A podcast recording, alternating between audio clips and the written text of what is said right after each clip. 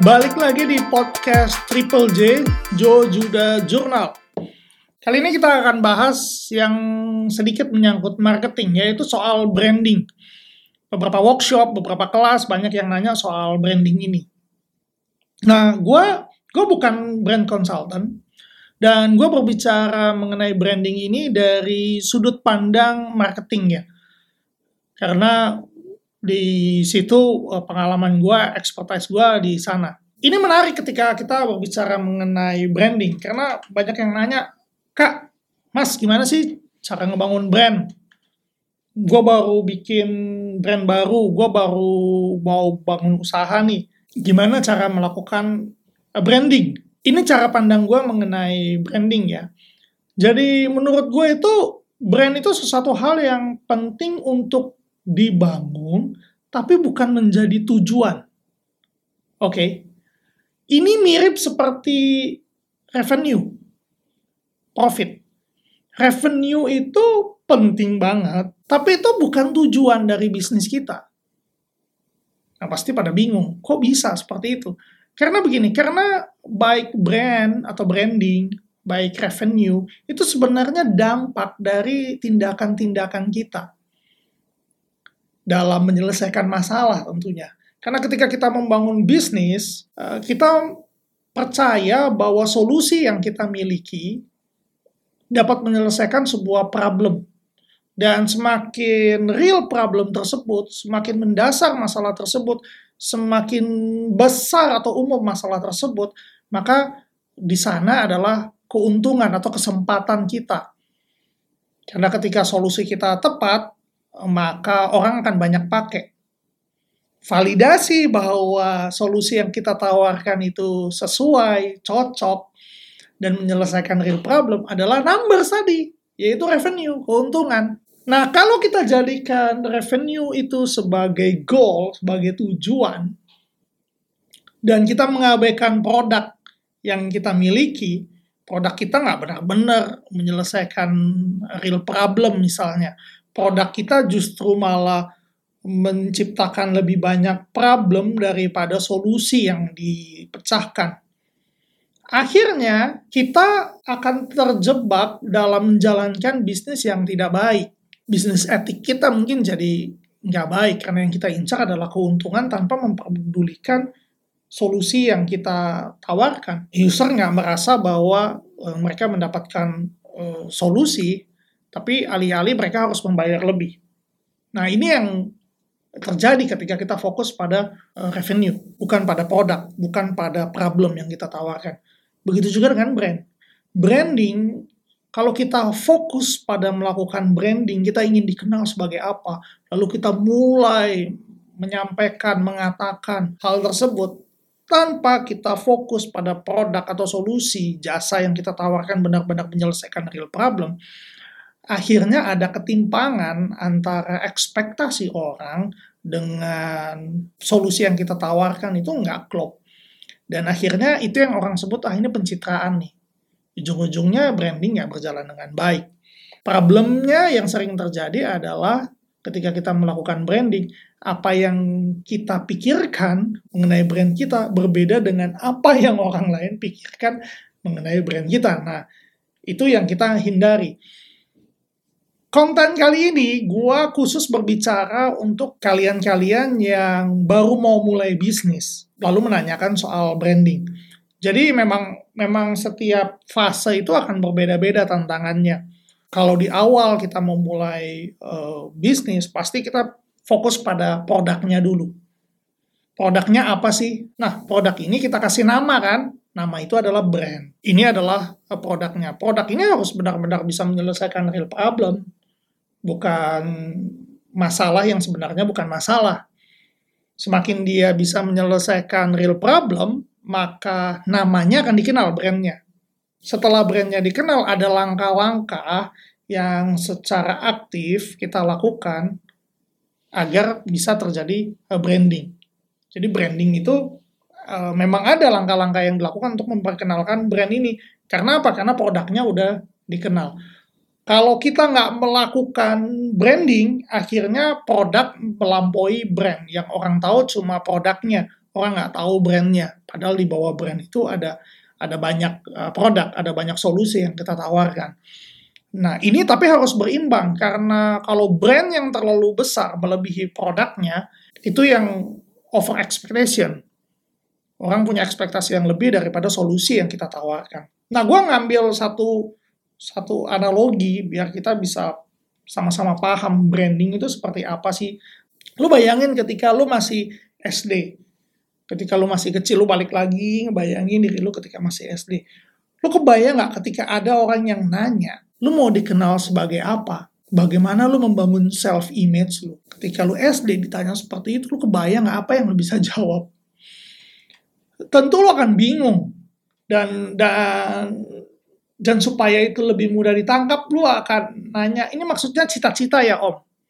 Oh iya, cita-cita saya mau jadi astronot, mau jadi pilot, mau jadi dokter. Uh, kalau anak sekarang mungkin pengen jadi vlogger, atau mungkin dia sebutin superhero-nya pengen jadi Batman, pengen jadi Iron Man. Itu waktu kita SD. Kenapa? Karena terbatas pengetahuan yang kita miliki. Sehingga kita mengasosiasikan dengan hal yang kita senangi. Beranjak SMP dan SMA, ini waktu ini masa di mana kita pubertas mencari jati diri. Kita mulai paham bahwa Batman itu fiksi, Superman itu fiksi, uh, Iron Man mungkin ada dalam kehidupan nyata, tapi kita mulai sadar bahwa oh nggak semua orang bisa jadi Iron Man ya. Kalau lu bukan konglomerat, lu hampir mustahil untuk jadi Iron Man. Nah di SMP SMA kita tahu bahwa tujuan kita atau mimpi kita atau cita-cita kita dulu itu sepertinya nggak relevan atau udah berubah ketika lu SMP dan SMA. Siapa diri kita saat ini ditentukan dari pilihan-pilihan yang kita ambil ada hal-hal yang menyenangkan, hal-hal yang tidak menyenangkan. Ditentukan juga dengan pertemuan demi pertemuan. Orang-orang yang kita temui menjadi teman, yang menjadi mentor, akhirnya ada seperti saat ini. Mungkin ketika kita flashback balik ke SD, ini jauh dari apa yang kita bayangkan dulu. Lu bisa lihat betapa kompleksnya keputusan-keputusan yang diambil sampai lu jadi seperti saat ini. Nah, dari kisah tersebut kita tarik nih ngomongin brand atau ngomongin merek. Lo bayangin di awal lu mau bangun bisnis, lu bahkan mungkin belum punya pengalaman untuk bangun bisnis, dan yang lu pusingin adalah ngomongin soal bagaimana nge-branding, gimana bangun merek. Itu jauh banget. yang berakhir dengan lu cari superhero lu. Oh, gue pengen bikin e-commerce seperti Tokopedia oh gue pengen brand gue ini dikenal seperti Gojek, misal. Atau apa pun seperti Nike. Misalnya gue bangun sebuah uh, produk sepatu gitu loh. Nama brandnya uh, Kakiku Oke. Buat set mimpi hero gue misalnya adalah uh, Adidas. Gue pengen punya brand sepatu seperti Adidas. Kakiku Oke akan jadi seperti Adidas tapi penjualannya online, misalnya seperti itu. Kita akan relate dengan hero-hero kita, karena itu yang paling dekat kita asosiasikan. Dan itu yang mendorong kita pada waktu kita masih hijau. Ketika berjalannya bisnis, ketemu masalah demi masalah, akhirnya mungkin ada pivot-pivot yang dilakukan agar bisnis tetap bisa berjalan. Dan setelah sekian tahun, belas tahun atau puluhan tahun, akhirnya kita berakhir dengan brand yang sempurna atau setidaknya yang ideal dari kacamata kita. Tapi begitu kita flashback, oh jauh banget, jauh banget dari Adidas ya, yang awalnya kita set. Karena ada hal-hal yang kita ketemu dalam perjalanan yang mengubah kita tentunya. Jadi, fokus di awal buat teman-teman yang baru mulai bisnis, bukan membesarkan brandnya, bukan ngomongin soal branding. Branding itu akibat, brand itu akibat kita dikenal itu akibat. Fokusnya teman-teman itu adalah bangun produk. Bangun real produk yang bisa menyelesaikan real problem. Bangun produk yang benar-benar bisa menjadi solusi buat banyak orang. Karena opportunity-nya di sana. Opportunity terbesar adalah problem terbesar saat ini. Apa sih? Kemiskinan, kebodohan, Benar atau tidak? Itu yang banyak orang yang berusaha untuk menyelesaikan problem-problem tersebut dan banyak uang yang diinvestasikan untuk bisa menyelesaikan problem-problem ini. Jadi the biggest opportunity itu adalah the biggest problem. Dan jika produk Anda bisa menyelesaikan real problem, maka yang orang kenal adalah namanya. Betul atau tidak? Karena misalnya tadi balik lagi di sepatu ya, wah sepatunya nyaman nih. Goalnya apa sih? Gue pengen buat sepatu yang nyaman oke ini sepatunya nyaman nih. Nama sepatunya apa? Kan lu nggak ingin uh, sepatu nyaman. Nggak seperti itu. Pasti inginnya dipanggil dengan nama. Sama seperti anak SD tadi, walaupun dia nggak tahu personal brand itu seperti apa, self image seperti apa, tapi dia punya nama. Dan bahkan dari kecil pun kita ingin dipanggil dengan nama. Si Joko, si Anwar, si Jo, si Budi. Pokoknya kita ingin dipanggil dengan nama sama seperti sepatu tadi. Walaupun sepatunya mungkin baru industri rumahan, tapi dia ingin dipanggil dengan nama. Jadi ketika ditanya sepatu yang nyaman ini namanya apa? Oh, kakiku oke. Kalau lu nggak siapkan nama, lu udah deh fokus pada produk aja bagus. Nama nanti aja kita pikirkan. Maka orang lain yang akan kasih lu nama. Contoh misalnya nih yang paling terkenal. Orang lain kasih lu nama, Eh, dan akhirnya itu jadi merek saat ini yaitu uh, sate babi bawah pohon yang di Bali. Itu nggak ada nama namanya apa? Ya udah karena dia adanya di bawah pohon diasosiasikan sate bawah pohon. Sekarang jadilah merek sate bawah pohon. Sate babi bawah pohon. Kalau lu nggak siapkan nama maka orang yang akan kasih lu nama. Jadi pikirkan nama tersebut. Nama itu kan doa ya sama juga dalam dalam membangun brand dalam membangun produk, ya nama itu, brand lu itu harusnya menjadi doa. Tujuannya mau jadi seperti apa. Tapi fokus dulu pada produk. Begitu produk lu menyelesaikan real problem, maka nama lu yang akan diingat.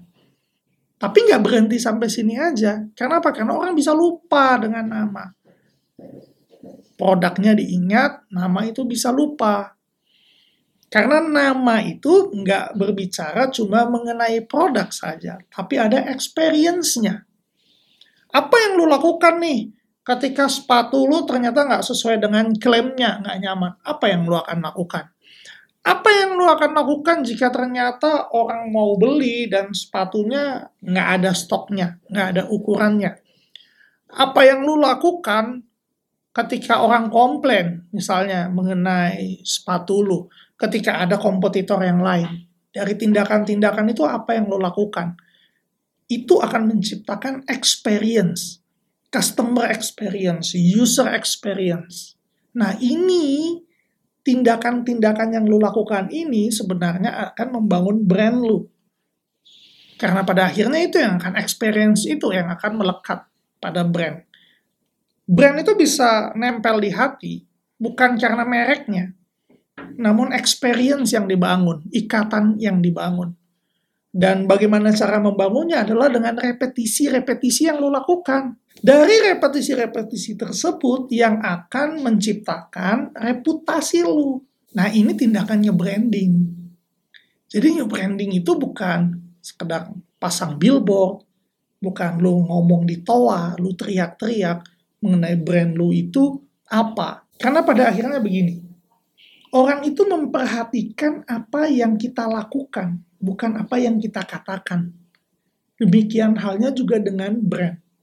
Brand itu akan ada di hati, bukan berdasarkan apa yang kita katakan, apa yang kita slogankan, apa yang kita gembar-geborkan.